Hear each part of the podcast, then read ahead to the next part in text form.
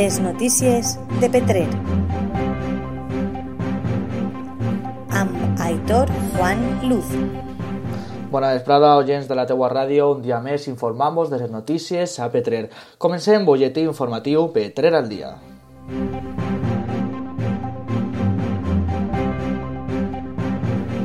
Policia local de Petrer fa millores de senyalització del tràfic del camí d'Aiguarrius a petició veïnal. Segons hem pogut saber, gràcies al regidor de Policia local i Seguretat Ciutadana de l'Ajuntament de Petrer, Pablo Lizán, han reubicat algunes senyalitzacions i també han aprofitat les ja existents en alguns punts de la via i d'aquesta manera poden donar resposta als veïns de la zona, ja que és una via que té molta afluència tant peatonal com de vehicles al ser l'accés al paratge natural molt visitat.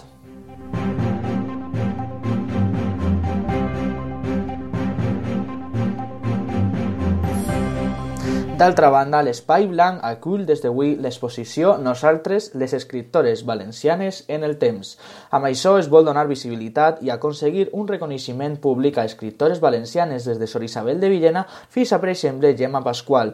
La regidora de Normalització Lingüística ha avançat que ja ha concertat amb l'alumnat de l'ESO i batxillerat dels centres educatius petrerins unes visites guiades per l'exposició que es durà a terme pels matins.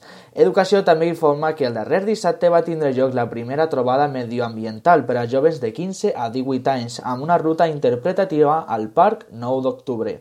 També avancen que la propera tindrà lloc el 9 de maig a, a les Poses de Pusa. Podeu fer l'inscripció mitjançant el telèfon 965 370 099 o a la regidoria d'Educació de dilluns a divendres en horari de 10 del matí a 2 del migdia.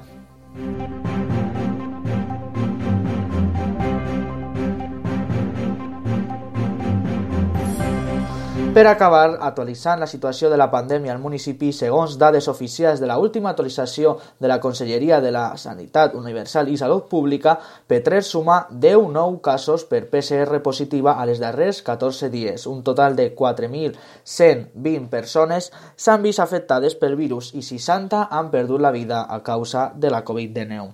Gràcies per escoltar la teua ràdio. Com sempre, ja saps, la teua ràdio el portes a la butxaca. Fins demà. Les notícies de Petrer.